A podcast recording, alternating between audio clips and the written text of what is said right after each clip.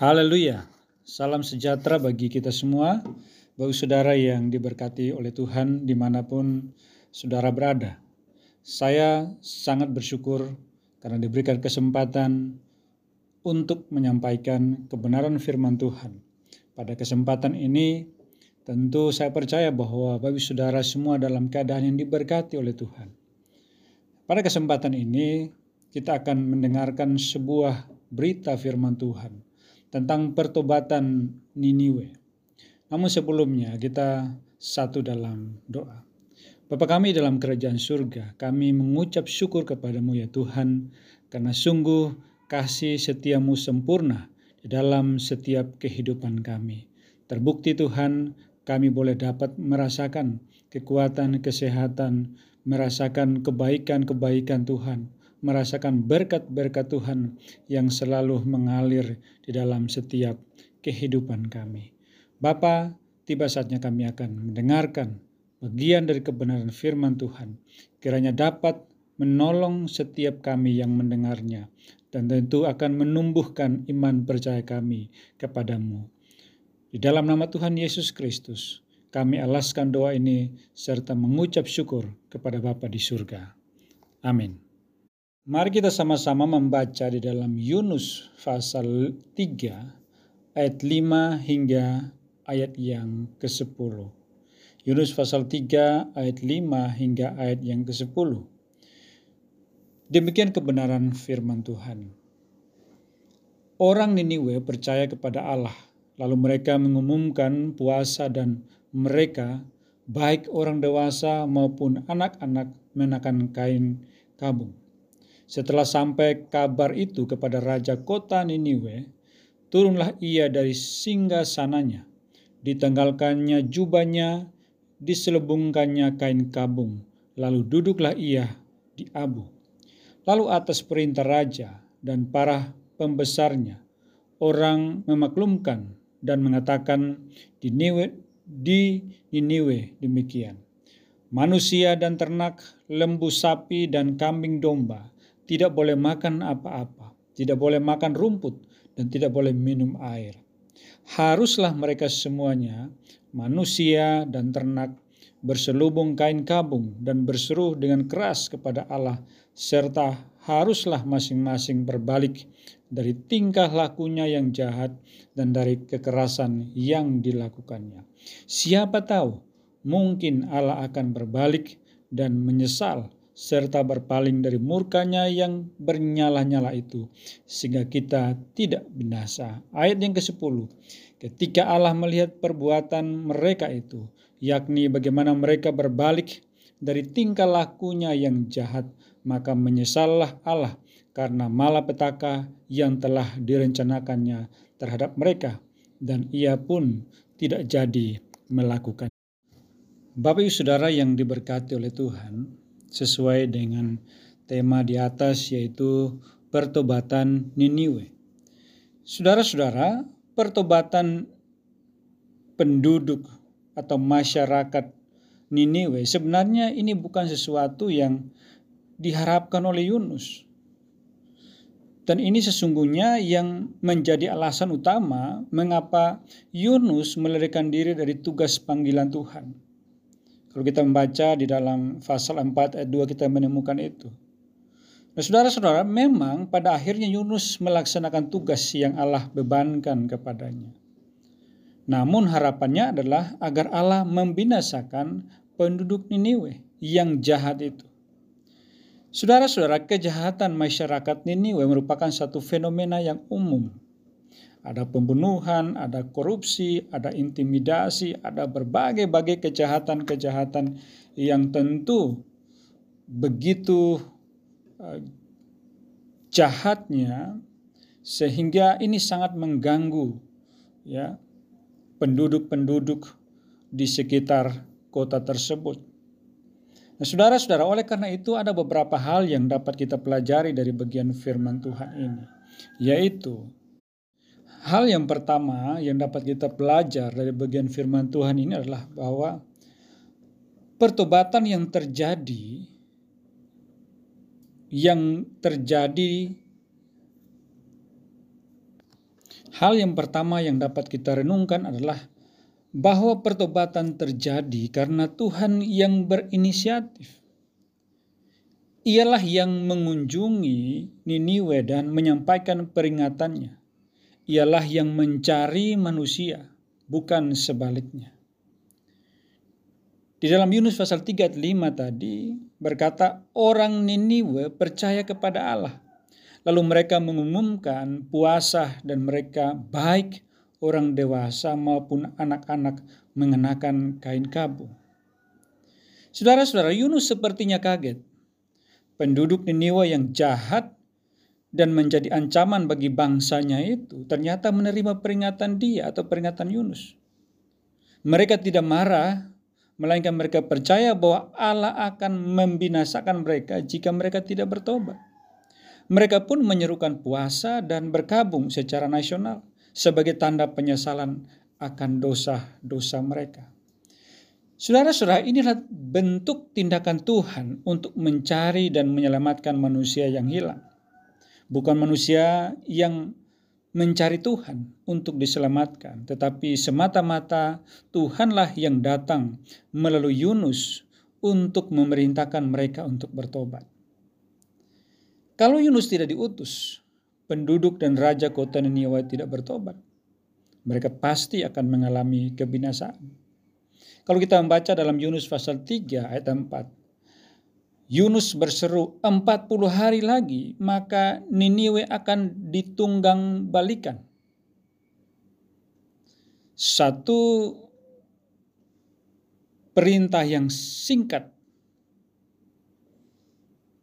tidak membutuhkan khotbah yang panjang tetapi ini merupakan satu perintah yang tegas, himbauan yang tegas 40 hari lagi maka Niniwe akan ditunggang balikan.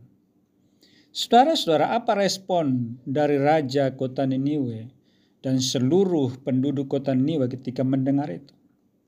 Kita melihat di dalam Yunus pasal 3 ayat 6 berkata demikian, setelah sampai kabar itu kepada raja kota Niniwe, turunlah ia dari singgah sananya, ditanggalkannya jubahnya diselubungkannya kain kabung, lalu duduklah ia di abu.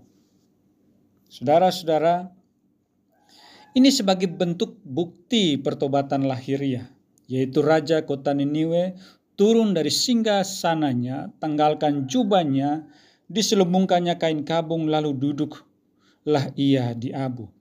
Ini bukan pertobatan biasa, saudara-saudara bukti dari simbol-simbol yang kita lihat sebagai pertanda kerendahan hati, pertanda perkabungan, dan juga pertanda pertobatan. Dalam tradisi dan budaya orang Israel, seorang yang ingin menunjukkan hatinya yang bertobat akan sering menggunakan kain karung duduk dan duduk di atas abu. Abu dalam perjanjian lama adalah pertanda kebinasaan dan kehancuran. Saudara-saudara, pertobatan Raja Kota Niniwe dan seluruh rakyatnya memberikan pesan kepada kita bahwa kedudukan, jabatan, prestasi, bahkan diri kita sendiri tidak layak disandingkan di hadapan Allah. Di mana semuanya seperti abu yang akan hancur lebur dan hanya Allah lah yang patut ditinggikan dan dimuliakan.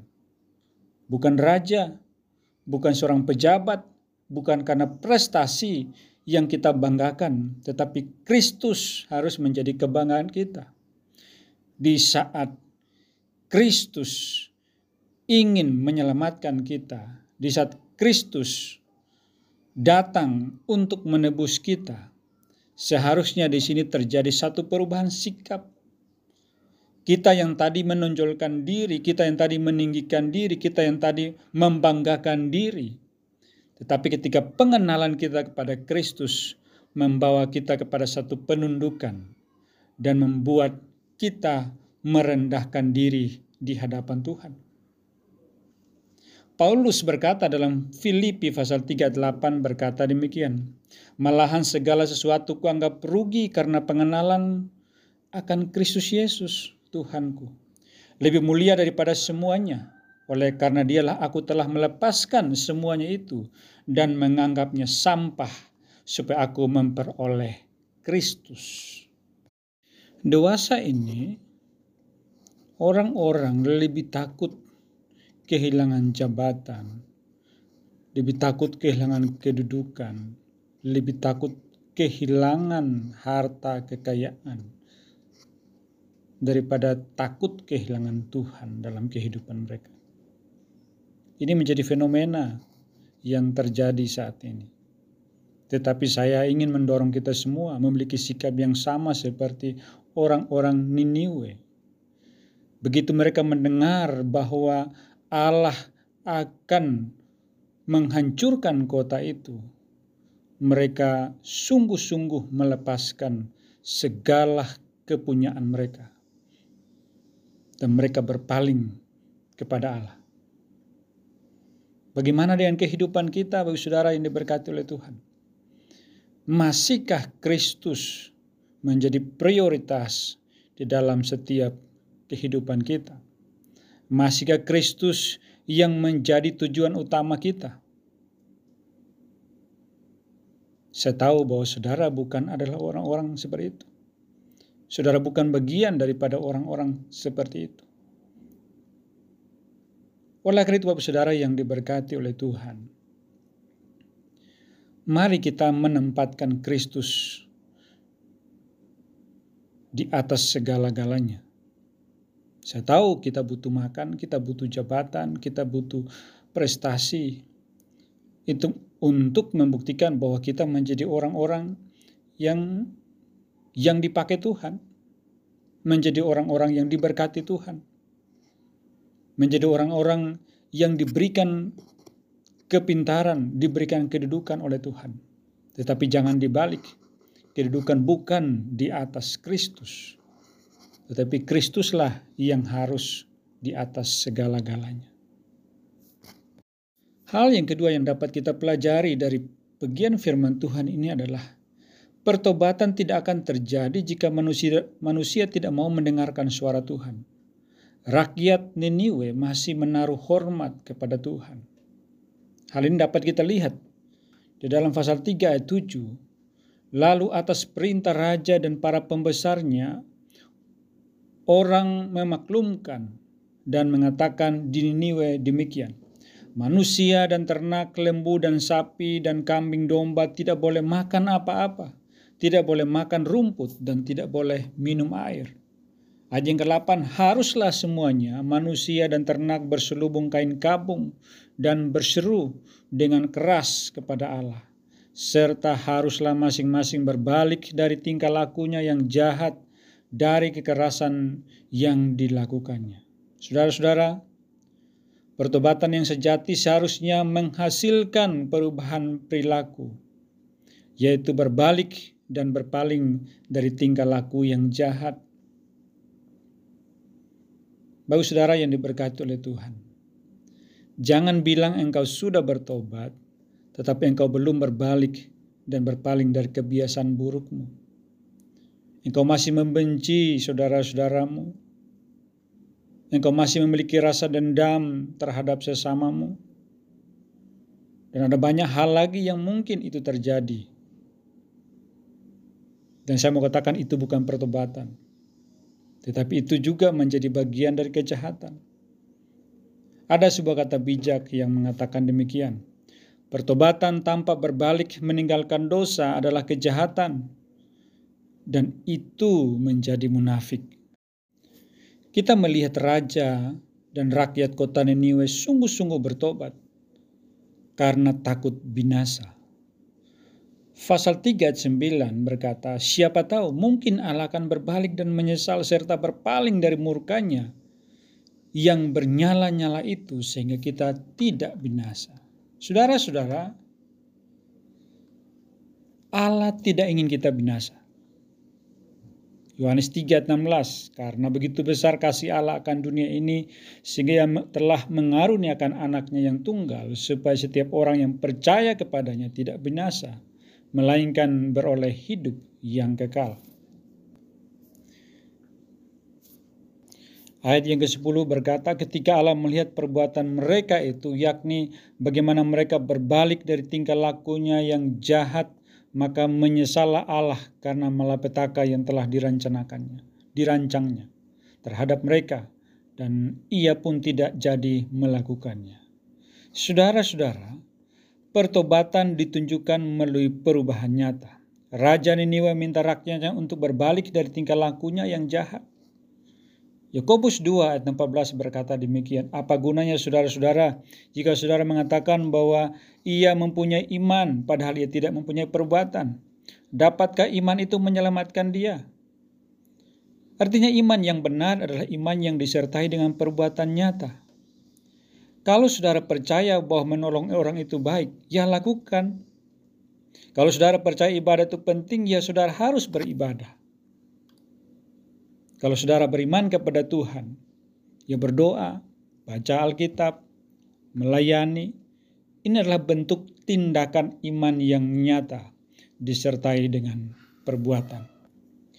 Kesimpulan dari bagian firman Tuhan ini, dari kisah pertobatan Niniwe ini, mengakibatkan Allah membatalkan rencana hukumannya bagi bangsa itu. Dan saya juga yakin dan meyakinkan kepada kita semua bahwa pertobatan kita hari ini itu menjadi bukti bahwa kita sungguh-sungguh ingin memperoleh satu kehidupan yang kekal, tidak mau menerima hukuman yang kekal itu. Oleh karena itu, Bapak Saudara ini berkati oleh Tuhan, pertanyaannya, apakah kita sungguh-sungguh percaya bahwa Kristus adalah Tuhan dan Juru Selamat kita? Ini hal yang pertama. Pertanyaan kedua, apa kita sudah mengalami pertobatan yang sungguh-sungguh di hadapan Tuhan? Pertanyaan ketiga, tindakan nyata apa yang membuktikan bahwa saudara dan saya sudah sungguh-sungguh bertobat? Tuhan Yesus kiranya menolong dan memampukan kita untuk mengalami pertobatan dan berpaling dari setiap perilaku kita yang tidak berkenan di hadapan Tuhan. Kita satu dalam doa. Terpujilah engkau Bapa di surga untuk kebenaran firman-Mu pada saat ini. Kami belajar banyak hal dari pertobatan Niniwe. Kami menyadari bahwa Tuhanlah yang berinisiatif untuk menyelamatkan bangsa Niniwe. Dan itu juga kami sadari dalam hidup kami. Tuhanlah yang berinisiatif untuk datang mencari dan menyelamatkan kami yang hilang. Dan Tuhan rindu kami mengalami pertobatan dan berbalik kepada jalan hidup yang berkenan di hadapan Tuhan. Kiranya kami menjadi orang-orang yang sungguh-sungguh mengalami pertobatan itu. Dan kami dapat memiliki satu tindakan nyata melalui perilaku kami, melalui aktivitas kami, bahwa kami adalah orang-orang yang sudah sungguh-sungguh mengalami pertobatan dan menempatkan Kristus di atas segala-galanya. Bapa di surga, kiranya Engkau terus memberkati setiap kami yang mendengarkan berita ini. Dan biarlah kerana berkat Tuhan terus dialirkan di dalam setiap kehidupan pribadi mereka, di dalam usaha pekerjaan mereka. Dan biarlah kiranya penyertaan Tuhan mereka alami sepanjang hari, bahkan sepanjang kehidupan mereka. Saudara-saudara, arahkanlah hati dan terimalah berkat Tuhan. Kerana kasih karunia dan damai sejahtera daripada Allah Bapa kita dan di dalam Yesus Kristus, di dalam persekutuan Roh Kudus yang akan menyertai kita sekalian saat ini sampai selama-lamanya.